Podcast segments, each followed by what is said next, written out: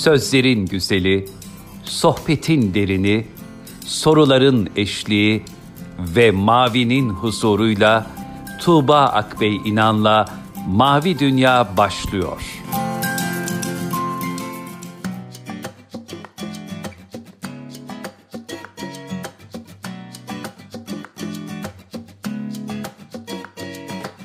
Merhaba sevgili dinleyenler. Tuğba Akre İnan'la Mavi Dünya'ya hoş geldiniz. Bugün de yine programımızda çok kıymetli bir misafirimiz olacak. Psikolog Cihat Kaya bizlerle birlikte olacak. Biz baba kız ilişkilerini konuşacağız kendisiyle. Hoş geldiniz programımıza. Hoş bulduk Tuba Hocam, merhabalar. Merhaba, çok teşekkürler programımıza katıldığınız için. Önce şuradan başlayalım. Psikoloji ve sizin yolunuzun birleşme hikayesinden başlayalım. Şifacı olmak için mi yoksa kendi yaralarına merhem arayan biri olarak mı o gençliğin seçim zamanlarında psikolojiyi seçtiniz? Evet, çok teşekkür ediyorum. Konuşma imkanı verdiğiniz için, bu değerli sohbet için de ben çok teşekkür ediyorum sizlere. Kendimden başlamam gerekirse ne kadar şifacı olmak üzere başladığımı düşünsem de yolun devamında bununla birlikte ve belki bundan çok daha fazla bir oranda aslında kendi yaralarımı da telafi eden parametresi olduğunu ben fark ettim. Uzun uzadıya terapist olmanın şartlarını yani psikoterapi terapist olabilmek ifadesi de aslında kibirli bir ifade bir taraftan. Yani bu yolun öğrencisiyken irdelememiz gereken bazı meseleler oluyor. Her kişide, her öyküde dönüp kendi tarafımıza bakmamız gerekiyor. Ben bu taraflara baktığımda yavaş yavaş böyle belli aralıklarda fark ettiğim bir şeyler oldu. Mesela nedir bunlardan birisi? Dedim ki bir insan mesleği neden yapar? Kendime bunu sorduğumda. Yani meslekle, bir uğraşla, edimle amacımız nedir burada? Birkaç tane parametresi var. Bunlardan birisi maddiyat, diğeri statü, kabul görme, sevilme, beğenilme arzuları. Öte taraftan hayatının içerisine bir anlam katabilme, varoluşuna bir anlam katabilme. Şimdi hepsini bir araya getirdiğimizde bu denklemler kurulduğunda bu yol psikolojiye çıkmıyor aslında. Hı çok daha kestirme ve çok daha kolay yolları var bunun. İnsanlara yardım etmekse motivasyon, keza bunun da çok kısa yoldan yapılma şekilleri var. E, statü vesaire falan diye düşünüyorsak çünkü bu aynı zamanda bir arketipin de üzerine yerleşen bir şey. Terapist olabilmek, psikolog ya da bu alandan mezun olabilmek algılandığı şekliyle hepsinin başka bir yanıtı var. O zaman o zaman bunun bir, bir başka bir açıdan bakmamız gerekiyor. Demek ki bizi buraya bir şekilde mukadderatın içine yönlendiren, tercihlerimizi yapmamızı sağlayan o bilinç dışı süreç kendi içimizde var olan yaraları iyileştirmek. Hı hı. O çocukluğu yeniden inşa etmek, o kalp kırıklıklarını yeniden onarabilmek. Belki iyi okunmadığı zamanlarda çünkü bunun bu madalyonun bir tarafı gerçekten çok riskli insan için. Kendi eksikliğini aslında bir yeriyle onardığını fark etmez ise etik derslerinde aldığımız bir konudur. Ee, danışanın iyiliği orada terapist olarak bulunanın iyiliğinin arkasında kalmaya başlıyor. Yani hı hı. çok özetle anlatmam gerekirse bazen üzücüdür ama olma imkanı insanın olduğu yerde her zaman mümkün. Seanslar terapistin gel beraber beni övelim deme şekline dönüşmeye başlıyor. O yüzden de sürekli irdelemek, sürekli takipte kalmak, kendisini, duygularımını o kadar detaylı bir şekilde bakmak gerekiyor ki hani bu aynı zamanda bir dünya görüşü de sağlıyor insana. Çünkü irtibatta olduğunuz, yolculuğa çıktığınız birinin o kapıdan içeriye girişinden tutun, nasıl selam verdiğine, koltuğun üzerindeki yastıkla kurduğu ilişkiye kadar hepsi bir anlam ifade ediyor. Bu perspektiften de bakarsak eğer şunu söylemek çok mümkün. O zaman bize gelen insanları da bir şu açıdan gözden geçirmek lazım. Hangi tür kişilikler mesela sana müracaat ediyor? Seninle bu yolculuğa çıkıyor. Çekingenlerle mi berabersin? Narsistik insanlar mı geliyor? Bağımlı olan insanlar mı daha çok mail ediyor? Hemen arkasından da kilit bir soru var. Neden peki sana geliyorlar? Hmm. Ruhunda dışarıya sirayet eden hangi özellik hangi insanı oraya davet ediyor? Bunların yanıtını bulamazsak kişi bu maslahatı eğer kendinden bilirse, tırnak içinde söylüyorum iyi bir terapist olduğu yanılsamasının içerisine düşerse evet kendini övme seanslarına dönüşüyor. Semptom yok olur mu? Gelenin semptomu yok olur. Çünkü zaten o takdir ve onay gördüğünde bazı insanlar iyileşirler. Ee, ama burada iyileşmek midir belki onu da revize etmek lazım. Bu iyileşmek olmuyor işte. Bu, bu bir uğraş oluyor sadece. Şimdi ben sizin paylaşımlarınıza işte e, zaman zaman Instagram'da yaptığınız programlara baktığımda aslında şunu e, hissediyorum. Bilmiyorum ne kadar doğru ama evet insanlar psikolojik olarak bir takım sıkıntılar yaşıyorlar. Ama bu çok üstte bir şey ve siz galiba insanın varoluşsal olarak da başka bir arayışa girmesi gerektiğini anlatmaya çalışıyorsunuz gibi bir e, izlenimim var. E, evet, bu birazcık evet. daha anlaşılmayı zorlaştıran bir şey olsa da nereden başlamak gerekiyor? Çünkü çok gündelik hayatın içinde işte çocuğum bunu yaptı, kocam bunu yaptı, işte kayınvalidem bunu söyledi. Bunlar çok gündelik hayatın içerisinde sizin az önce ifade ettiğiniz gibi uğraş ama siz başka bir şey söylemeye çalışıyorsunuz. İnsanın bakması gereken ya da başlaması gereken başka bir yer var gibi anlıyorum. İşte o yeri konuşabilir miyiz eğer doğru anladıysam elbette. Hocam e, çok hoş ifade ettiniz. Ben de hani ne yapıyorum diye sorsanız böyle güzel ifade edemezdim. Yani e, başka bir açıdan bakmaya çalışıyorum. Ben eğitimlerimi bu terapistik yolculuğunda ilk etapta bilişsel davranışçı terapi üzerine aldım. Bilişsel davranışçı terapinin çıkış mantığı da mahiyete, anlama, öyküye ya da işte baştan geçenlere çok böyle odaklanmaktan ziyade bir an önce biz bu semptomu yok edelim. Hı hı. Haddimi de açmak istemiyorum fakat ya kişinin işlevselliğini geri kazandırmak üzerine. Uzun bir zaman bu yöntemle çalıştım. Panik bozukluk, semptomlar azaldı. Ölçümlerini yaparsınız başında, sonunda ve bakarsınız ki teknik olarak baktığınızda, kapitalist olarak baktığınızda Evet hakikaten bir azalım var ve bu insan iş gücüne, tırnak içine söylüyorum geri dönebilir. Ama zaman sonra mesela bunların farklılaştığını fark ettim. Tamam panik bozukluk yok oldu ama e, birdenbire bu kadıncağızda tırnak yeme başladı. E, kedi fobisi kayboldu. Bakıyoruz bu sefer asansör fobisi başladı. Demek ki bu burada başka bir mesele var. Altta kanayan bir yara ve bu yara sadece üzerine yapıştırılmış bir yara bandıyla geçecek gibi değil. Kendi öykümde de benzer şeyi hissediyorum.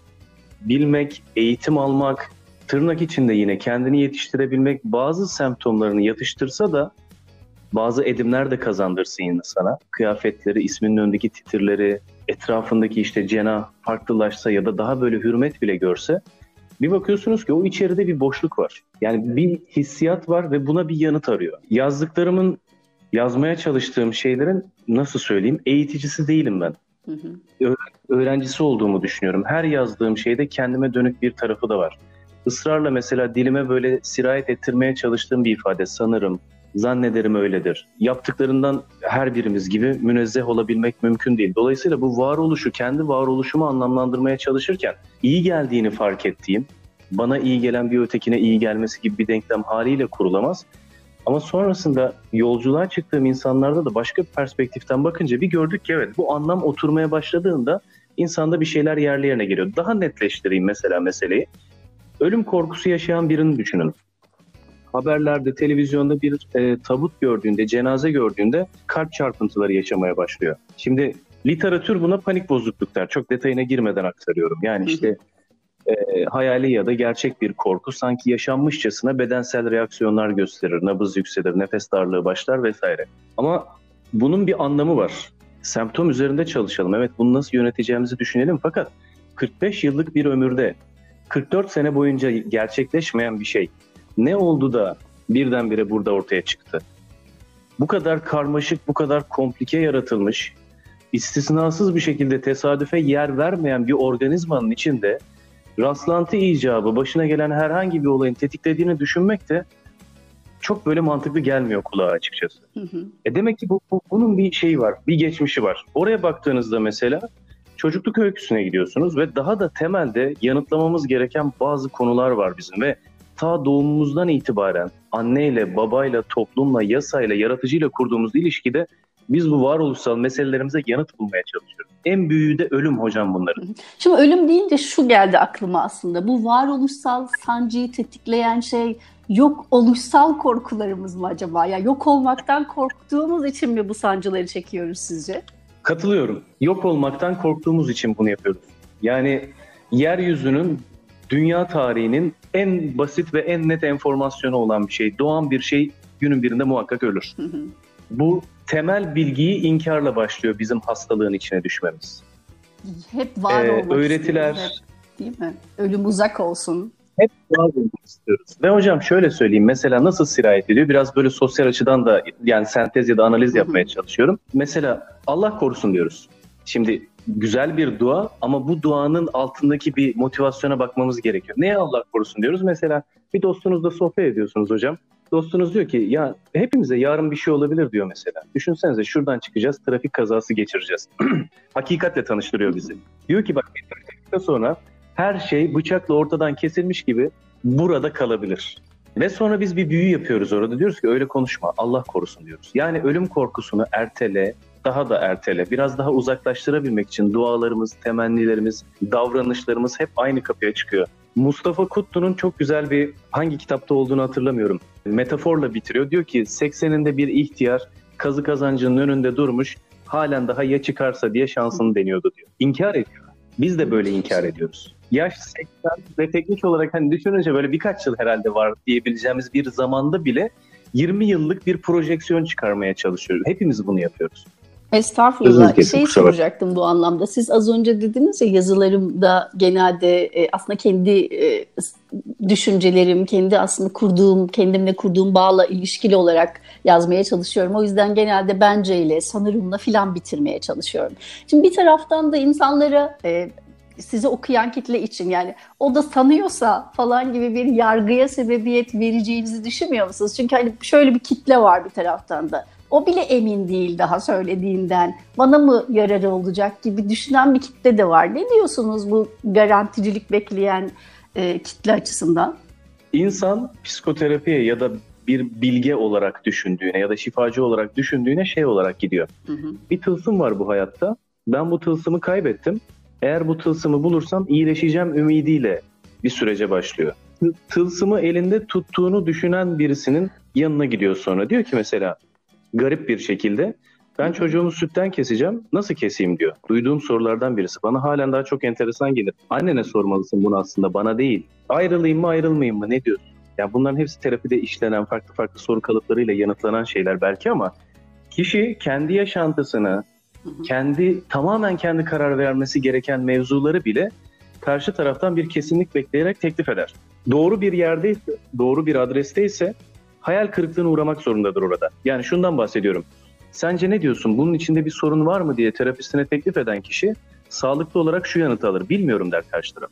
Nasıl bilmiyorsun? Gerçekten bilmiyorum.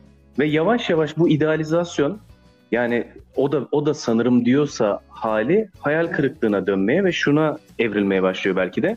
Ben ne diye zamanımı harcıyorum ki bununla? Bak bunda da yokmuş. Şimdi insan psikoterapiye başlarken elinde bir tılsım olduğunu düşündüğü biriyle bu yolculuğa çıkmak istiyor. Yani bu hayatta birinin elinde bir şey var. Gerçekten birçok şeyin yanıtı olan ve beni huzura kavuşturacak olan bir şey.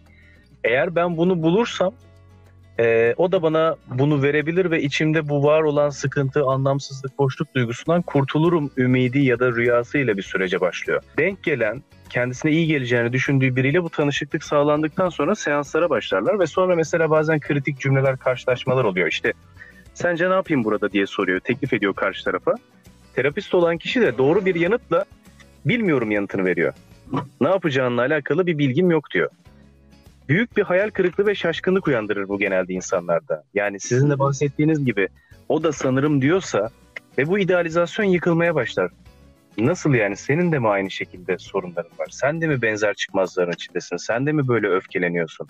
Bu gerçeklikle karşılaştığında kimisi süreci bırakır. Yani bu aradığım kişi değil der. Daha kendine hayır yok der mesela. Ben sıklıkla bunu duyarım. Daha önceki başarısız olduğunu düşündükleri seansları insanlar gittiklerinde ya hocam kendisine hayır yok diye düşünür. Tam da kendisine hayrı olmayan biriyle zaten bu yolculuğa çıkmak gerekir. Kendisine mübalağa etmeyeyim burada belki ama kendisine hayırdan kastımız böyle e, o büyüyü, o tılsımı elinde tutuyormuş gibi her konu hakkında, her yaşanan hakkında bir yorumu, bir cevabı melimalı eki varsa burada şifacıdan ziyade belki biraz daha başka bir planda düşünmemiz gereken acaba kibirli bir profille mi karşı karşıyayız? Buna bakmak Değil mi? Mucize çözümleri varsa eğer birilerinin sürekli verdiği, bakın böyle çözülecek en gerçek diye. Tabii. Orada bir şüphe duymak lazım elbette. Kişi bunu dayatıyorsa, kendi gerçeğini, kendi işlevselliğini karşı tarafa dayatıyorsa bunun adı psikoterapi değildir. Psikoterapi çünkü yani tavsiyeden, nasihatten, eleştiriden çok daha farklı bir dinamik hocam o. Yani ciddi anlamda kafa yoran, ciddi anlamda bir dünyanın içine girdiğiniz ve yeni ve ne kadar sağlanırsa gerçek bir ilişki kurulan bir yer. Dolayısıyla kişi bunu da kaybeder, onda da yokmuş der. Aslında e, benim bu birinde bir şey var arayışım, hastalığın yahut problemin ta kendisiymiş eğer inancına ulaşırsa belki orada iyileşmeye, tekamüle dair bir adım atmaya başlıyor. İnsanlardan bazen duyarız bunu yani sen de mi? Evet ve hatta bir başka perspektiften konuşayım onu. Şeyi sorarlar hocam denk geliriz. Sizin de mesela aile içinde yaşadığınız problemler oluyor mu sorusuna. Terapist eğer tabii ki ben de insanım gibi bir şey söylüyorsa bunun içinde dahi kibir vardır. Çünkü bu Değil mi? Bu izah edilebilecek bir soru değil. Yani bu bu başka bir şey. Hani de, yersiz eklenmiş DDA eklerini biliriz ya. Ben de insanım. E tabii canım benim de herkes gibi bazı sorunlarım oluyor diye düşünüyorsak idealizasyonu sürdürmeye yönelik atılan bir adımdır. Yani doğru soru bence şu olmalı. Kendi açımdan söylüyorum. Nasıl böyle bir inanca vardın? Sana bunu inandıran şey neydi mesela? Bunun dinamiğine bir bakmak gerekiyor. Kendi özün neden bu kadar kıymetsiz de daima idealize edilen insanlar sanki bir şeyleri hallediyor. Bir tek sen mi halledemiyorsun gerçekten? Hani bu yolculuk belki buraya gitmeli insanda. O yüzden de o gerçekle tanışmanın arkasından e, kişi ilişki kurarsa yani evet bak hiçbir şey yok elinde. Öyle aynı benim gibi.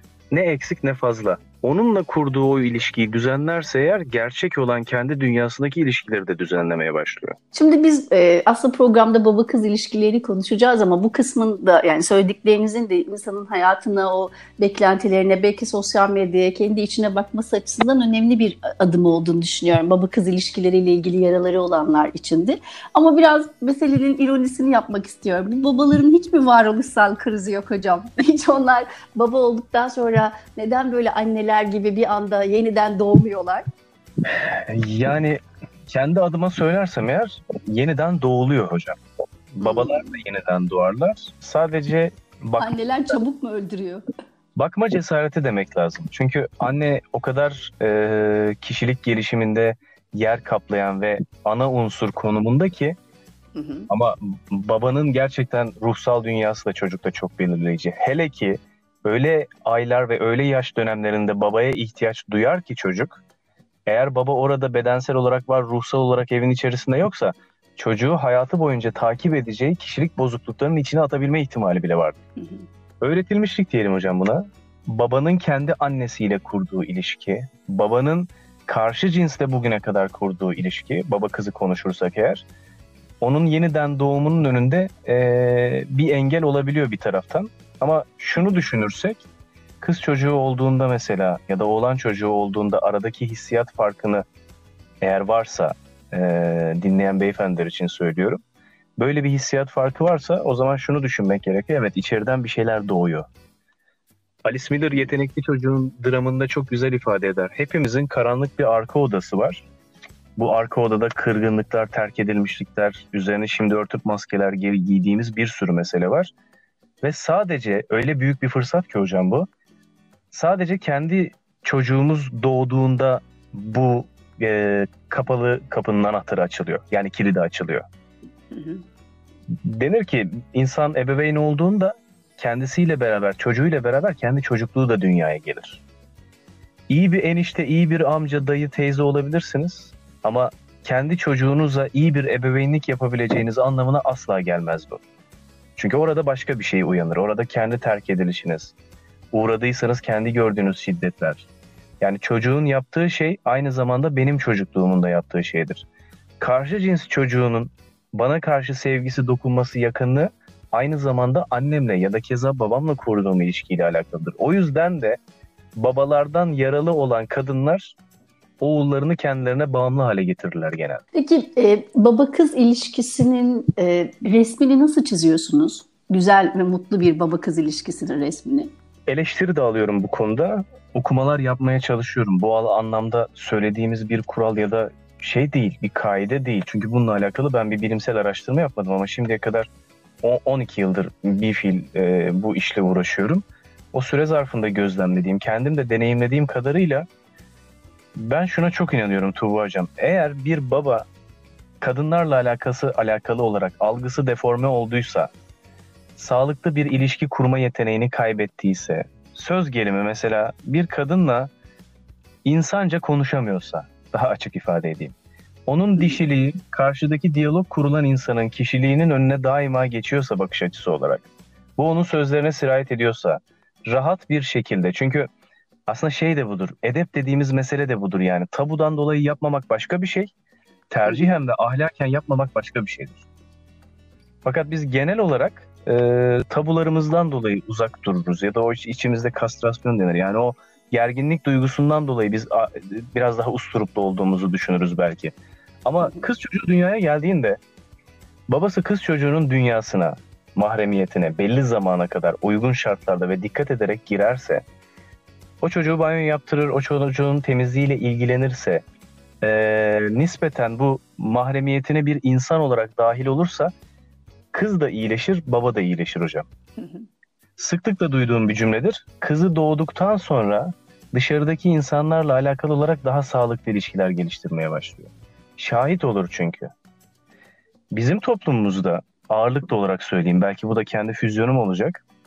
Genel itibariyle evlerde özellikle erkekler için anne ve kadın figürü olmadan yetişirler. Fizyolojisini de bilmez, aynı zamanda duygulanımını da bilmez. Sadece kutsanmış ya da cinsiyetten uzak bir şeydir mesela anne. Şimdi bu şekilde büyüdüğünde evlendiği zamanlarda mesela eğer bunu iyileştiremediyse biri aslında bu çok uzun bir, bir taraftan da yani cinsiyetle alakalı eğitime de dayanan bir şey. Kadın görmeden bu kadından kastım bir insan olarak kadından bahsediyorum. Yani bir hanımefendiyle evde yaşamadan başka bir hanımefendiye yoldaşlık etmeye, eşlik etmeye kalktığında onu da cinsiyetinden uzaklaştırmaya başladığını görüyoruz. Cinsiyetten uzaklaştırmaktan kastım nedir? kendi şartlarında, dünya görüşüne uygun olarak kendi mahrem yaşantılarında bile bazen eşler eşlerinin kadın olmalarına müsaade etmezler. Şimdi burada işte, kalsın ister. Aynen öyle anne olarak kalsın isterler. Çok sık duyuyorum bunu Tuba hocam. Çok sıklıkla duyduğum bir cümledir. Yani ben e, ya eş şey değilim der. Ya hizmet eden, e, ortalığı toparlayan işte ismini verir, şuyum. Ya da sadece anneyim. Mesela kimse bana nasılsın diye sormaz. Canım bir şey istiyor mu diye sormaz. Şimdi bu, bunu iyileştirebilmek için bir kız çocuğu baba için çok elzemdir aslında. Ve ben hep şunu söylüyorum. Birçok insan bunu söylüyor. Bunu romantizm olsun diye söylemiyorum. Bir kız babası olarak da aynı zamanda. Kız evlada sahip biri olarak da. Doğmuş olan kız çocuğu erkek eğer cesaret ederse çok büyük fırsattır hocam. Çok büyük bir lütuftur bence. Peki e, kız çocukları penceresinden baktığımızda e, bu söylediğiniz şeyden, ilişkiden, bağdan e, uzak kalan bir kız çocuğu hangi eksiklikle sonra sizin odanızda kendini anlatmaya başlıyor? Şimdi ilk ilişkileri e, karşı cins ebeveynimizle biz kurmaya başlıyoruz. Genelde işte biraz daha böyle bedenini fark ettiğinde, işte ben kızım, o erkek, işte ben erkeğim, o kız diye düşündüğünde yavaş yavaş bir ötekine uzanmaya başlıyoruz bizler çocukluk yıllarımızda. Buna farklı kuramcılar başka başka isimler veriyor. Yani çocuksu bir flörtözlük var aynı zamanda. Anneye ve babaya sunulan teklifler var. Ve burada kız çocuğu için şimdi varsayarsak babanın onu her şeyiyle kabul etmediği bir ailede. Yani şundan bahsediyorum. Kendi cinsiyet kimliğiyle, kendi yapıp ettikleriyle, eğlendiği şeyler, oyuncaklarıyla vesaire baba hemhal olmadığında bu kız çocuğunun onun gözüne girebilmesi için performans göstermesi gerekiyor. Nedir bu performans? Bu performansı göstermesi için çocuk anneye bakmaya başlıyor orada. Şimdi eş kendi eşini nasıl kabul ediyor? Olduğu gibi kimliğiyle saygı duyabiliyor mu yanındaki eşine? Yoksa o eşini kabul etmesinin yolu onun da performans göstermesinden mi geçiyor? Söz gelimi söylüyorum. Sadece flörtöz davrandığında, sadece nazik, nezaketli hani ifade doğru mudur bilmiyorum ama mesela cilveli deriz ya biraz. Sadece bunun akabinde eğer çocuk kabul gördüğünü fark ediyorsa dişil kimlik ön plana çıkıyor. Sevgi uğruna sadece bu cinsiyet kimliğiyle var olmaya çalışıyor. Çünkü baba sadece nazlı kızım olduğunda seviyor. Sadece e, gelip yanaklarını sevdiğinde, sadece işte o biraz daha nazik ve naif davrandığında çocuğunu sevip bağrına bastığında çocuk diyor ki evet sevgiyi elde etmemin yolu bu zannedersem. Ve dolayısıyla böyle var olmalıyım. Yetişkinliğe geldiğinde şuraya dönüşüyor hocam süreç. Kimi insanlar olduğu gibi sevilmemiş olan kız çocukları yetişkin oldukları zamanlarda yine olduğu gibi sevilmezler ve dolayısıyla bu insanların oturmaları, kalkmaları, yemek yemeleri, selamlaşmaları daima bir flört içerir. Niyetleri o değildir ama. Uzaktan izleniyormuş gibi mesela fark edersiniz bir yerde bir hanımefendi tek başına oturuyordur ama gözetleniyormuş gibi davranır. Üzerindeki kıyafeti içine sinmeden söylendiği şekliyle işte markete manava gidemez hale gelir. Kabul görmemiştir çünkü. Bu şekilde bir ilişkiye başladığında da suistimalin ve istismarın açık hedeflerinden birisi oluyor bu kişi. Seansa da aynı şekilde gidiyorlar Tuba Hocam. Orada da performans gösteriyor. Orada da esprili davranmaya çalışıyor. Orada da memnun etmeye çalışıyor. Orada da kendi cinsiyet kimliğiyle bir şekilde kabul görmenin peşinde giderken o üçüncü ihtimali ya bunlara ihtiyaç olmadan da ben aslında sevilebilirim kanaati geliştikten sonra belki bu süreç sağlıklı tamamlanıyor ama tabii uzun ve yıpratıcı süreçler yani. Çok mu uzattım sözü bilmiyorum. Arası Hayır estağfurullah. Şu kısmı da konuşalım istiyorum. Şimdi anne olduktan sonra benim kendi iç dünyamda yüzleştiğim bir sürü şey oldu. Onlardan bir tanesi de kendi korkularımdı. Ve şimdi kızlarla ilişki içinde olduğum, kızlarımla ilişki içinde olduğum her an kendime ilk sorduğum soru genelde beni korkutan nedir sorusu oluyor. Şimdi aynı soruyu babalar ekseninde soruyor olursak bir babanın kendi çocuğuyla ilgili, kızıyla ilgili, kendiyle ilgili Korkuları nedir sizce? Yüzleşmesi gereken ya da kaçtığı? Farklı bir zaviyeden bakalım buraya. Mesela çocuklarla alakalı korkularımızı ne oluşturur bizim? Yani birincisi onlarla alakalı akıbeti düşünürüz. İyi insanlarla karşılaştırırlar diye evet. temenni. Sağlıklı bir temenni bir taraftan. Ama bu işin ucunu kaçırdığımızda e, fazlalıkla korunaklı bir alana çekmeye başlıyoruz biz bu süreci. Sözlerimize de sirayet etmeye başlıyor. Adaleti nispeten asbelkader kaybetmiş olan bir aile Oğlan çocuğu için mesela şunu diyebiliyor yani çok canlar yakacak benim oğlum. Baba bir şekilde kendi uzantısı haline getiriyor ya da anne. Anne ya da kendi özne olamayışının, hayatta kararları alamayışının, saygı duyulmayışının belki de intikamını, dünyadan intikamını oğlu üzerinden alıyor. Ve bu sefer eve kim gelecekse e, hani gelin kaynana ilişkisinin aslında dinamiğini anlatıyorum burada. Hı hı. Hazırlıyor kendini. Şimdi baba için de bir taraftan düşündüğümüzde evet bu zarar verici iklimden dolayı fazladan koruyucu, fazladan e, daha onun kırılgan olduğunu düşünerek, ekstradan korunması gerektiğini düşünerek çocuğu biraz daha bağımlı hale getirmeye başlıyor. Daha çekingen hale getirmeye başlıyor. Daha iddiasız hale getirmeye başlıyor ve sıklıkla mesela karşılaşılan sorunlardan biridir. Ee, Narsistik kişilik bozukluğu mesela. Kadınlarda çok düşük oranda görünür hocam. Görünme şekli profilde başkadır. Ekseriyeti erkeklerdedir. Hmm. Depresyon kadınlarda çok sıklıkta görülür. Erkeklerde nadiren rastlarız. Görülme şekli de öfke ve saldırganlıktır. Bu bizim hangi hastalığın içine düşeceğimizi bile şekillendiren bir şey. Oğlan çocuğu için mesela çok canlar yakacak diyen baba, kız çocuğu için başımıza bela olacak cümlesini kurmaya başladığı andan itibaren tehlike çanları çalmaya başlıyor. Kendimle ilgili hissettiğim e, şey hep odur. Onun ruhuna eşlik edebilirim inşallah diye umuyorum. Yani ne olur, nereye uzanmak ister bilmiyorum. Çünkü e, kuramcılar da aynısını söyler, öğretiler de aynısını söyler. Bu ruh ve kendilik olma motivasyonu doğuştan içimizdedir hocam bizim. İnsanın gerçekten bir kendiliği vardır. Mesela baktığınızda evlatlarınızla ilgili her ne kadar e, kromozomlar bölüşülmüş bile olsa hiç size ait olmayan bir şey görürsünüz bazen. Bu nereden çıktı dersiniz. Yaşamışsınızdır muhakkak. Hı hı. Şimdi buna ben saygı duyabilmeyi umuyorum. Bunu görebilirsek eğer o çocuklar kendi öyküsünü yazacaklar. İsyan ederse, isyandan kastım şu.